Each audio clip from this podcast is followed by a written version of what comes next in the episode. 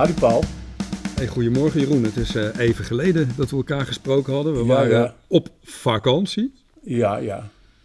En toen ik vanochtend mijn computer aanzette, kreeg ik meteen iets wat ik graag eens met je wil bespreken. Ik moest mijn computer updaten. Ik heb Windows. Heb jij dat ook, Windows? Ja. Ja, nou, ik, ik update mijn computer en dan komt er een bericht. Uw computer is niet compatible met Windows 11. Nou, dan kon je iets installeren en dan moest je kijken hoe het kwam. Nou, het bleek mijn processor niet goed te zijn. Ga ik dat even opzoeken. Blijk ik die computer straks helemaal niet meer te kunnen gebruiken. Ik heb ook nog een prachtige laptop, dus ik start die ook even op. Kijken hoe dat zit, precies hetzelfde. Nou, zijn we weer zover, hè? Ja. Heb je prachtige apparatuur, ben je er zuinig op, kan je het allemaal weer wegflikkeren. Heb jij dat ook? Dat jij je daar boos over maakt? Nou, ik druk altijd op niet nu. Ja, ik ook. Ja, ja. En eh, vervolgens eh, werkt die uitstekend.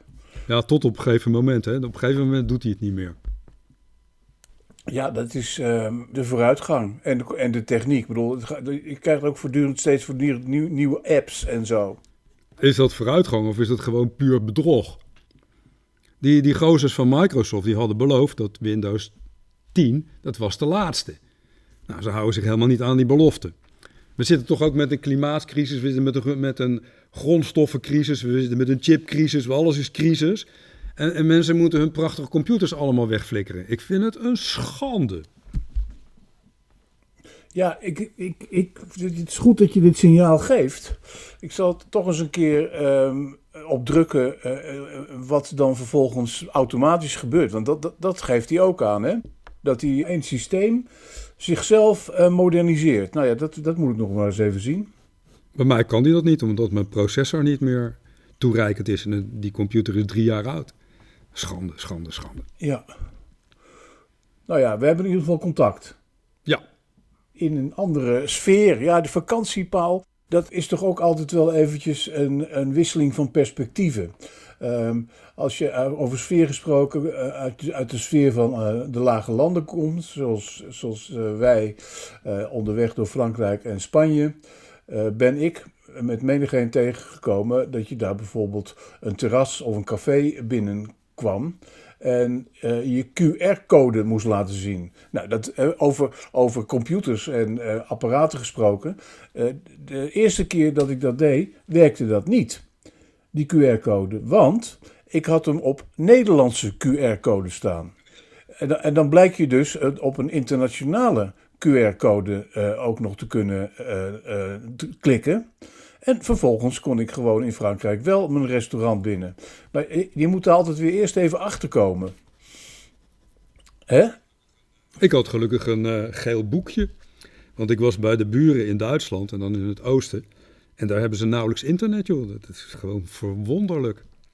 Kan je ook nergens pinnen, je moet overal contant betalen. Maar pinautomaten, die hebben ze er ook niet. Waren de mensen zelf trouwens ook heel boos over. Dat al die bankjes eh, vertrekken. Ja, is het de uitholling van het hart van Duitsland. Ja, uitholling van de, Voorzieningen. de voorzieningen ja, op het platteland. Heel erg. Ja, waar ik zat, eh, dat was, eh, was een prachtig gebied in, in Turingen. En eh, best dorpjes met eh, nog heel wat mensen, maar geen winkels meer. Als ik boodschappen moest gaan doen, dat was eh 18 kilometer rijden. En de pinautomaat was 24 kilometer. Maar dat is toch wel heel raar hoor. Zo langzamerhand. Maar ja, goed, we zien het in Nederland ook langzaam gebeuren. Ja, ik wou net zeggen, ik bedoel, hier in de buurt, ik zit nu ook weer even in Zeeuws-Vlaanderen. Ja, daar ehm, heb je eh, dorpen, zoals bijvoorbeeld eh eh, eh, Scherpenisse. Ja, dat is geen Zeeuws-Vlaanderen, dat is Tolen. Maar Scherpenisse heeft helemaal geen, geen, geen winkel meer. Op Zuid-Beveland zijn er dorpen zonder winkels. Eh, ik was gisteren in Groede, Zeeuws-Vlaanderen.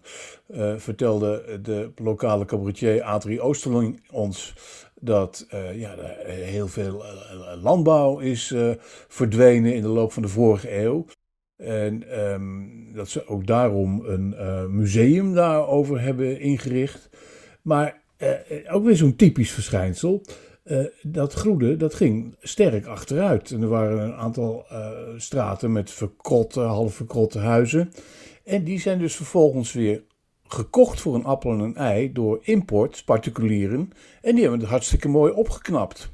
Dus kijk, dat, dat, dat soort bewegingen heb je natuurlijk ook, hè? Ja, heb je nog dokters bij jullie? Ah, jawel. Want die schijnen ook eh, te verdwijnen hier en daar. Ja, die hebben, die, hebben we wel. Maar om even terug te komen op, op dit buitenlandse perspectief. En, eh, hè, de QR-codes die kloppen dan. Maar ik merkte ehm, daar ook geen protest tegen. Mensen ehm, aanvaarden gewoon dat dat eventjes zo moet. En ehm, is dan ook eh, geen, geen weerstand. En zodra ik weer in Nederland terug ben, merk ik dat die weerstand eh, nog steeds wel is. Eh, een, een, een anti-houding, een, ehm, eh, een- een verzet. Ik weet niet hoe dat in het oosten is. Nee, ook, ook niet. Daar ben ik niet tegengekomen. Andere sfeer. Echt een andere sfeer. Ja. Eh, eh, ehm, alsof het erbij hoort. Ehm, eh, mensen zijn daar, komen lachend binnen en laten hun pasje zien of hun code zien. En het gaat eigenlijk allemaal heel erg makkelijk. Ja, en toch is ehm, ehm, het wel een verschil in, in sferen, in stemmingen, toch, in Nederland. De- de- het corona heeft wat dat betreft eh, heel polariserend gewerkt. En nu eh, de cijfers toch ook weer toenemen, zie je dat die tweedeling in de samenleving manifest is gebleven. Of hoe, hoe voel jij dat aan?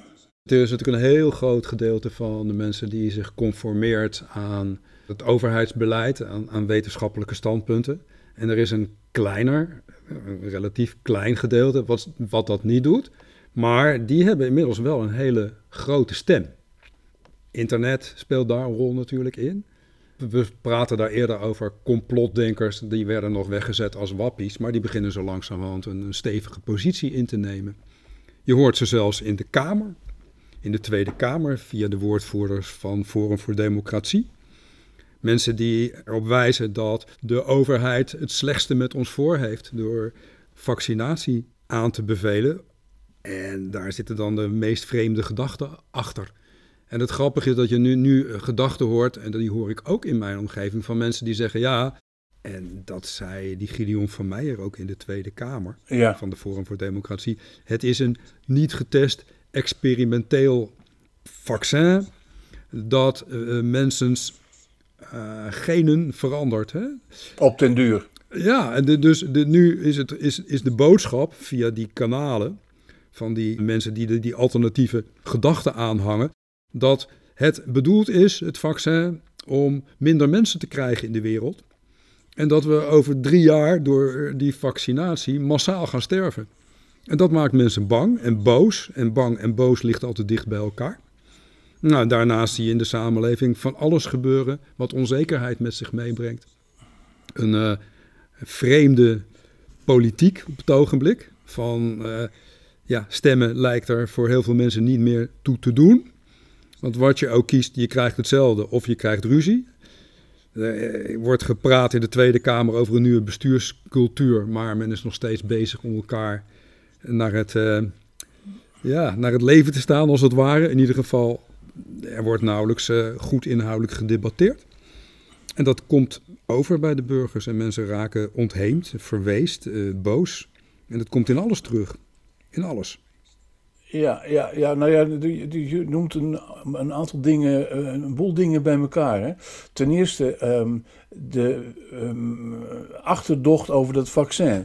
Dat dus een soort eh, ingrijpende genetische verandering in de soort teweeg zou brengen. Ja, alternatieve gentherapie noemt men het in de. Ja, ja, ja. Terwijl het dat gewoon niet is natuurlijk. Maar zo komen dus de stemmingen en sferen de wereld in. Hè? Ehm, Ja. Terwijl er geen enkele valide wetenschappelijke onderbouwing voor is. Nee. Je ziet dat in die, in die groepen, daar worden eh, onze politieke partijen verdacht gemaakt. Daar worden onze bestuurders verdacht gemaakt. Daar worden onze rechters verdacht gemaakt. En vooral de media worden verdacht gemaakt. De mainstream media zouden onderdeel uitmaken van het grote complot. The Great Reset, Ja, de Great Reset, ja. Klaus Schwab. Hè? ook dat. de World Economic Forum. En onze minister-president, die zou dan in dienst zijn van deze groepering die de wereldmacht wilde overnemen. Dat maakt mensen gewoon bang. Ik heb het al eerder gezegd, het is eigenlijk gewoon de terugkeer van de protocollen van de wijze van Zion. En ja, het is feitenvrij. Het is, een, het is een, in wezen pure misleiding. Feitenvrij en feitelijke onzin. Gevaarlijke onzin. zeker. Ehm, je, je, je kunt het ook afdoen als uh, uh, geschift. Ja, dat vind ik nou, dat vind ik nou dus helemaal verkeerd. Waar, waar het niet dat het uh, toch de vorm aanneemt van een soort algemene waarheid. Ja, een soort alternatieve waarheid. En um, ja, je noemt even het woord geschift. Hè? Ik, uh, had een beetje, uh, ik heb een beetje gevolgd de laatste tijd die Kamerdebatten waar dit soort zaken aan de orde kwamen. Vooral het debat over geweld naar journalisten. Daar was ik erg in geïnteresseerd. En dan zie je dat in dat debat, daar wordt dat door Forum voor Democratie aan de ene kant, door PVV een beetje, want daar zijn ook journalisten nogal uh, naar bejegend. Maar die Gideon van Meijer, die kon er helemaal wat van. En die zegt van ja, wat, wat journalisten opschrijven, dat, dat, dat deugt ook allemaal niet. Hè? Met name over die vaccinatie. En wat doen dan de Kamerleden? Die worden daar heel boos over. En die noemen dat dan geschift of uh, onverantwoord of dom of schandalig. Maar die gaan dus niet in op de inhoud wat zo iemand zegt. Dus het inhoudelijke debat, dat vindt nauwelijks meer plaats. Nee. En dat zie je op internet ook. Men bedient elkaar, men bevestigt elkaar in de mening. Maar de tegenstem en het, het goede debat, dat blijft uit. Hoe komt dat? Is het, een, is het een gebrek aan eh, intellectueel gehalte, een gebrek aan kennis? Um... Nou, een gebrek in, in, in, in waardering voor elkaar. Je moet je eerst in elkaar standpunten verdiepen. Het, het, vereist natuurlijk ook een bepaalde bereidheid om naar elkaar te luisteren. Dat laatste is misschien ook uh, aan het verdwijnen. Maar eh, ik verwacht wel van Tweede Kamerleden dat ze iets verder gaan dan schandalig. Het debat werd overigens geschorst. En uh, meneer Gideon van Meijeren werd flink op zijn vingers getikt door de Kamervoorzitter. Terwijl ik ook had kunnen verwachten dat die Kamerleden het debat inhoudelijk fel aangingen. Oké, u zegt het is een, uh, wat zei ik net, een genetisch manipulatief experimenteel middel. Hoezo experimenteel? Hoezo gentherapie? Legt u het eens uit. Komt u eens met de wetenschappelijke achtergronden. Komt u eens met de bewijzen. En als u dat nu niet kunt, kunt u dat schriftelijk uh, verklaren. Kijk, dan, dan, dan, dan gaat het over inhoud. Dan gaat het ergens over. En die kan wel zeggen, ja, schandalig. U liegt de hele boel bij elkaar. Maar daar gaat, daar gaat iets van uit waarbij zo iemand dan triomfantelijk kan zeggen... zie je wel, ze verklaren me voor gek, maar ik heb de waarheid in pacht. Het leidt er ook toe dat, dat mensen nu de minister-president uh, willen doden. Dat is natuurlijk schandalig. Terwijl er toch universiteiten vol wetenschappers zijn die dit kunnen ontzenuwen. En die, uh, sterker nog, die, die dat ook doen. Um, alleen uh, is hier sprake van een zo hardnekkig gelijk. dat uh, over luisteren gesproken. Ehm, blijkt dat luisteren in deze groepering niet werkt. Men ontmoet elkaar niet meer. De een zit op zijn ene gelijk, de ander zit op het andere gelijk en men praat langs elkaar heen. En ik vraag me af of men elkaar ook daadwerkelijk soms bereikt. Cancelcultuur heet dat tegenwoordig, toch? Dat is dan wel en niet onzinnig, maar het is heel dubieus dat in, in zo'n belangrijk gremium als de Tweede Kamer hier uh, geen gezond verstand uh, blijkbaar is aan te brengen. En die bedreiging van Rutte betreft, ik eh, heb mij al uh, langer dan uh, dat naar buiten kwam, afgevraagd hoe lang hij nog vrijuit over de straat kan fietsen. En of hij dat eigenlijk nog wel doet de laatste tijd. Ik heb het niet, dat, heb ik, dat heb ik nog niet gezien sinds ik terug ben in, in Nederland. Fietsende Rutte. Um, wat ook wel blijft, maar dat is niet alleen in kringen van Forum voor Democratie. Um, maar uh, bij mijzelf ook. Uh, blijkbaar, uh, het is natuurlijk zo dat de verkiezingsuitslag wel zeker wijst op een kabinet waarin VVD prioriteit krijgt. Maar ik kan het ook wel eens zijn met de mensen die het toch vreemd vinden dat dezelfde partijen toch nu weer aanschuiven in een, in een formatieproces. Ja, het zijn wel de partijen die samen gewonnen hebben. Ze zijn samen zelfs nu ietsje sterker dan voor de verkiezingen natuurlijk. Ja. Maar het doet geen recht aan de onvrede in de samenleving, omdat de campagnes niet inhoudelijk zijn gevoerd. We hebben geen idee waar we naartoe gaan. Er zijn zoveel problemen. Ik heb, we hebben het toen over gehad, hè? Uh, die hele campagne. Het was alleen maar mensen naar de mond praten. Uh, het was op personen gericht. Het was tegen elkaar gericht. Maar daadwerkelijk oplossingen bieden, zaken bij elkaar brengen, goed inhoudelijk praten, dat bleef uit. Het was de verkiezingen van Stem Kaag. Ja, hoezo? Ja, Kaag als de kampioenen van een uh, nieuwe richting, een nieuw elan, een uh, eerlijker, opener, transparante politiek. Ja, we hebben gezien wat daarvan terechtgekomen is. Nou ja, zij is ook vervolgens en ik, ik, ik denk ook, uh, ook wel tot haar eigen schrik terechtgekomen in een spel van schimpen en schelden en elkaar de maat nemen. Waardoor ik um, het met enig wantrouwen aanzie hoe ze, waar ze elkaar um, toch uh, met, met moties van afkeuring en zo hebben bestookt, toch weer aan tafel gaan zitten. Ik, ik vraag mij af Um, of uh, dit um, bijvoorbeeld in het bedrijfsleven wel uh, zou worden uh, getolereerd. Om um, met, met, met het gevaar van persoonlijke dysfunctie toch een, een belangrijk gremium als een kabinet te willen vormen. Snap je wat ik bedoel? Jazeker. Maar dat, komt dat niet voor uit, uit dat het nu steeds meer over personen en mensen gaat in plaats van over inhoud. Wat gaan we doen? Hoe gaan we onze problemen oplossen? Ik kijk wat dat betreft met jaloezie naar Duitsland. En daar zie je de, de, de, hele bijzondere combinatie ontstaan. De, de Duitse VVD met de Duitse Groenen en de Duitse Partij van de Arbeid. Die samen een regering gaan vormen. En ze zijn er al bijna uit, las ik vanochtend in de krant. Eind november proberen ze hun kabinet te presenteren. Kijk, nou, daar gaat het om. Maar ik heb ook die debatten gevolgd. En die waren goed inhoudelijk, die waren sterk inhoudelijk. Daar werden keuzes neergelegd. En wat ik wel aardig vond, het was ook ja, geïntegreerd beleid. Het was toch een klein beetje ideologie van hoe gaan we die problemen aanpakken, maar dan bijvoorbeeld dingen ook met elkaar verbinden. Milieu, met landbouw, met wonen, met werken, met noem maar op. Nou, blijkbaar zijn daar dus nu uh, na een selectieproces, waar ook die, verkeer, die vervelende CAU-manier uit is verdwenen, uh, de juiste personen op de juiste plek terechtgekomen. Ja, maar die hebben ook de wil om met elkaar iets te gaan doen. Ja, daar gaat het mij dus over. Um, is uh, in Nederland juist die wil wel voldoende aanwezig? Er worden nu posten straks bezet op basis van een uitslag, een verkiezingsuitslag die deze coalitie uh, blijkbaar uh, oplevert. Ja.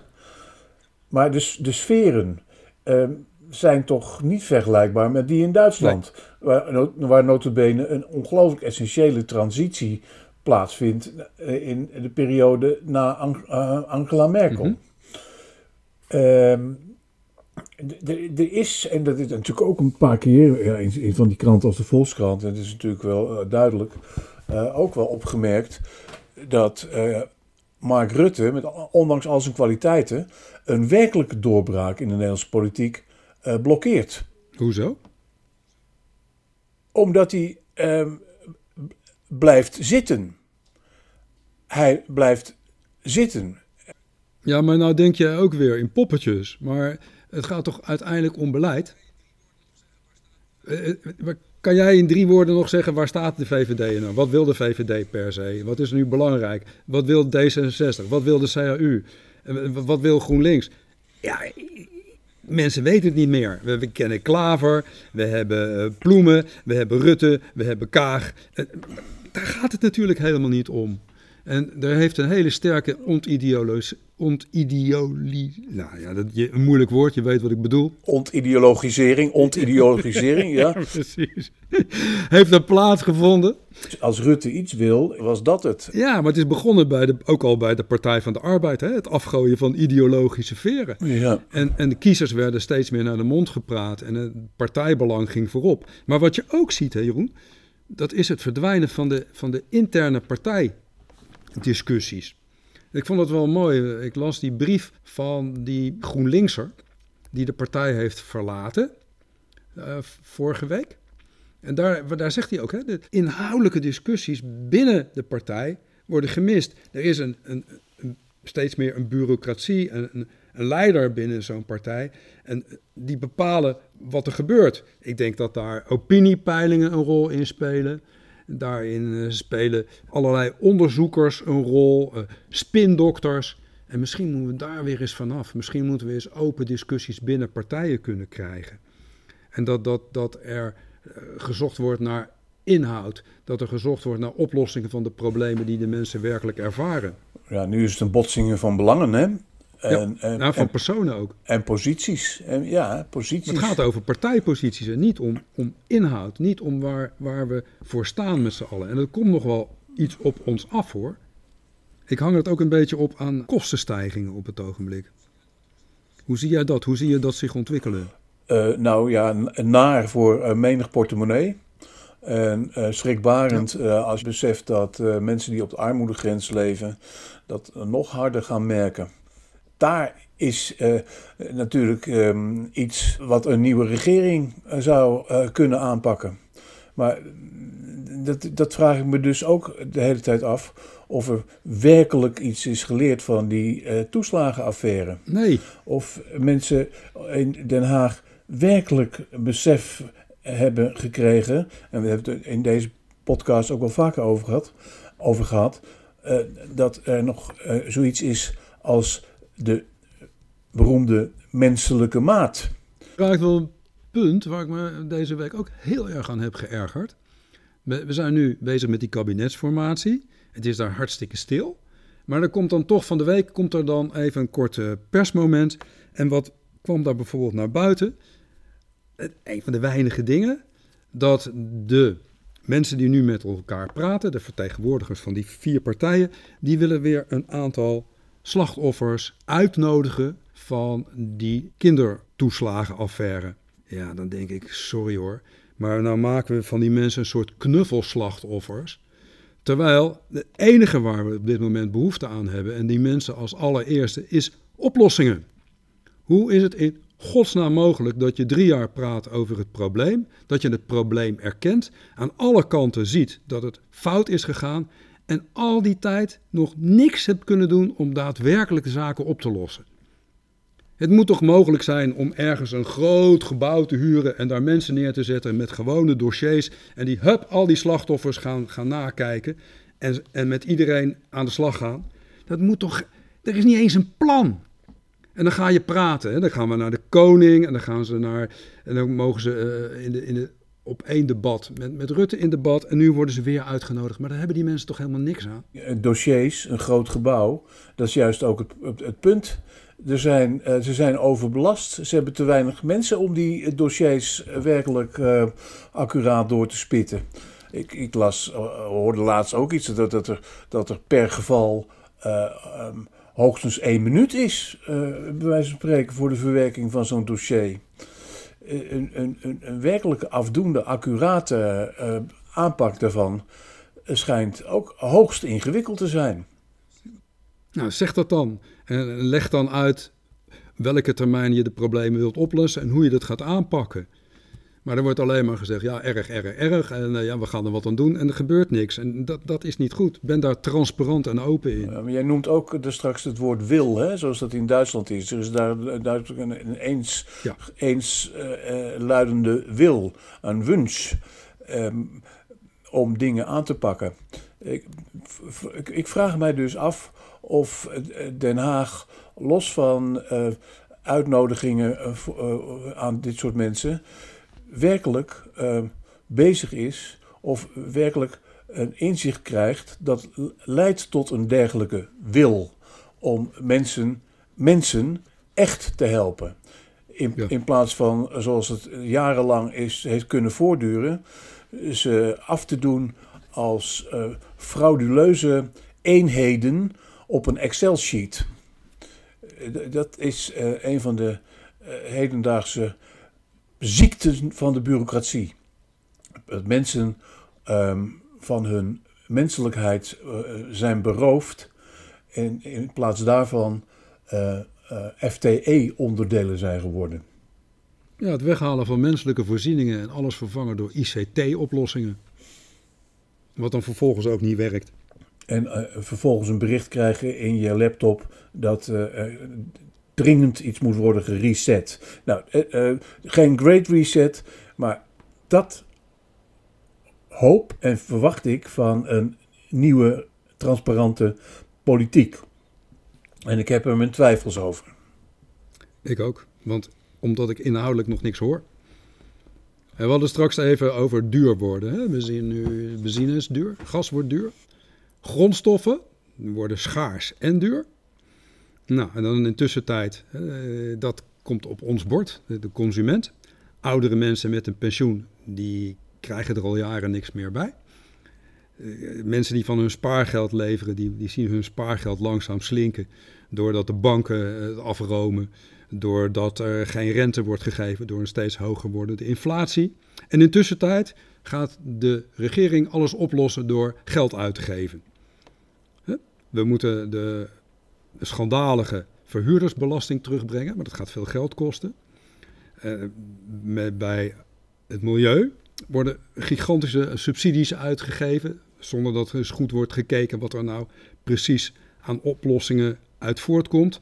We hebben het aardgasprobleem, we hebben het probleem van de kinderopslag, we hebben de overstroming in Limburg, we hebben de corona, we hebben de hogere salarissen voor de zorg, het onderwijs, we hebben de problemen met justitie, waar veel geld bij moet en ga maar door.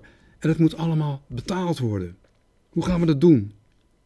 Waar moet het vandaan komen? Indirect gaat het dan via de, de, de belastingen. Waar ze, aan de ene, waar ze aan de ene kant geld uitdelen, Ja. roven ze het weer aan de andere kant. Eh, eh, bijvoorbeeld eh, belasting op een huizenbezit. Ben je net zo blij met een, met een, met een afgelost huis? Hè? Ja, wordt het toch nog je fiscaal eh, aangerekend. Ja, dat is natuurlijk schandalig als mensen, mensen die geprobeerd hebben om zuinig te leven, zich heel veel eh, langere tijd niet hebben gepermitteerd, omdat ze dachten het is heel erg belangrijk om mijn huis af te lossen, zodat ik dan later, als ik geen echte inkomsten meer heb, redelijk kan leven. Die krijgen nu zoiets over hun hoofd heen. Maar dit is ook weer een voorbeeld van een onbetrouwbare overheid. Je kan toch niet elke week de spelregels veranderen? Nee, geen wonder dus dat de mensen geïrriteerd zijn. Maar dan ook maar dan, Precies. maar dan op terechte grond, op terechte basis. Dat dat eh, is, natuurlijk, is Ja. natuurlijk ook zo. Ja, maak je goed punt. Ja, maak je goed punt. Ja, dit is terecht. En ja, die, die, bij die informatie, misinformatie en desinformatie, daar zitten ja, politieke belangen, maar ook financiële belangen achter. Er zijn natuurlijk mensen die daar gewoon geld mee verdienen. Zeker. Eh, maar daarnaast eh, is er, eh, dat vond ik zo mooi, jouw, opsomming van net. Wat, een, een hele scala aan ehm, opgaven en uitdagingen en problematiek voor een regering. Ik denk ook wel eens, ehm, eh, wie regeert er nou eigenlijk? Er is geen regeren aan. Hè? Bijvoorbeeld de, de, de, die instroom van eh Afghanen, Afghaanse tolken, Afghaanse Ja. vluchtelingen. Ja, dat, Ja, mooi ter, mooi. ter Apel, te ter. Apel hè, is ehm, eh, dan eh, al snel eh, te klein.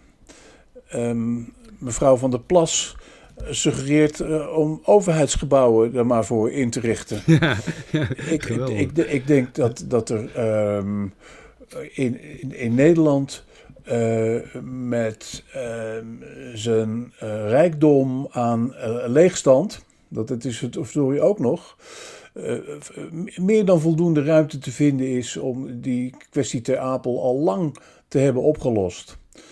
Maar dit gaat, dit, dit gaat dan ook weer over uh, bureaucratische hindernissen en, en, en, en politiek. aan de ene kant uh, ze binnen uh, moeten laten, maar dat ook eigenlijk niet echt weer willen. vervolgens ook rekening moeten houden met de omwonenden van een aanpalende wijk. Wat, wat je voor je krijgt, over regeren gesproken, is de boel maar enigszins redderen. Maar die staatssecretaris die gaf een paar weken geleden een interview. En daarin zei ze: het kunnen wel honderdduizend mensen worden. In de Tweede Kamer, men was heel boos op haar. Er werd gesproken over een paar duizend. En nu hoor je van de week in Ter Apel, er worden op één avond worden er 1200 mensen verwacht. Nou, in 80 dagen hè, zijn het er al 100.000. Het gaat heel hard. En in plaats van dat de Kamer had gezegd: mevrouw, komt u eens met een onderbouwing van die cijfers? En zo ja, wat doet u er dan aan om die mensen op te vangen? Maar nee, die mevrouw, het was een schande dat die mevrouw daarover sprak en dat je zo over vluchtelingen sprak. En ze moest haar woorden terugnemen. In plaats van dat dat een signaal was geweest waarbij we zeggen: we moeten zorgen dat die mensen fatsoenlijk en behoorlijk en menswaardig worden opgevangen. Nou, je zit op het ogenblik drie keuzes. Je kunt zeggen, we sluiten de grenzen, want we kunnen de opvang niet regelen. Je kunt aan de andere kant zeggen, we uh, laten iedereen toe. En in het midden kun je zeggen, we zorgen voor een bepaalde opname, een bepaalde hoeveelheid. Maar daar zorgen we dan ook daadwerkelijk heel goed voor. En bij ons is het helemaal niks. Nee, of pappen en nat houden, wat ik al zei. Redderen. Ja, en daar zijn de, de vluchtelingen dus, uh, uiteindelijk toch het slachtoffer van. Ja, want die komen met verwachtingen en die verwachtingen kunnen niet worden waargemaakt. En moeten op de, op de, op de vloer slapen. Het, ja, is, het is mensonterend. Ja, maar het, het, het, en ook hier weer, uh, heb, heb, wil om de menselijke maat te zien. Heb, heb medendogen. Um, die, het gaat niet over links of rechts, het gaat over mensen. Ja, maar durf ook de grenzen en dat is toch ook, denk ik, iets wat de politiek moet doen. Durf ook de grenzen aan dat mededogen aan te geven. Want als jij geen huisvesting hebt, en je hebt, heel veel mogelijkheden niet meer. En er, er ontstaat ook een, een soort eh, ja, agressie in zo'n samenleving, dan, dan bereik je ook grenzen. En dan moet je je verdiepen in wat kun je op andere manieren doen. Wat kun je meer doen voor mensen die, die vluchten voor uh, vreselijk oorlogsgeweld. Die grenzen kun je ook aangeven. Ja, maar dan keer ik, dan keer ik over grenzen gesproken terug op mijn uh, idee dat er ook grenzen zijn aan wat regeerders uh, kunnen, waar uh, regeerders toe in mhm. staat zijn. Precies. um, het is um, natuurlijk overduidelijk uh, om te, te roepen, om te vragen om oplossingen. Maar het is natuurlijk ook niet alleen een oplossing, maar het is een hele opgave. Het is een enorm karwei. Dat, dat regeren is uh, niets meer of minder dan een, een hondenbaan. Ja. Uh, het is heel veel regeerders, want er zijn ook heel competente bestuurders, niet aan te rekenen dat dingen uit de hand lopen of dat de dingen, dingen niet zomaar op te lossen zijn.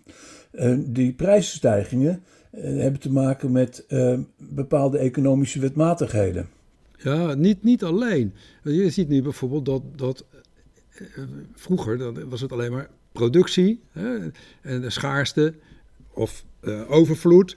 Maar nu zitten er ook dingen in, wat ik straks noemde, zoals een overstroming in Limburg, maar vooral ook de milieukosten.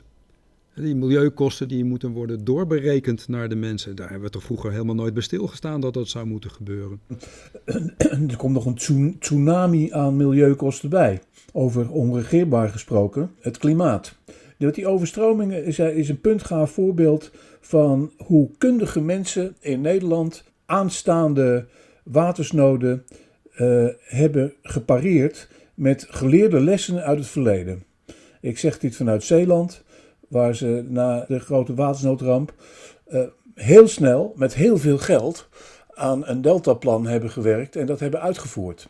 In Limburg uh, is het niet zo erg uit de klauw gelopen als in Duitsland, omdat de eh, dijkversteviging de dijkhoogte op orde waren.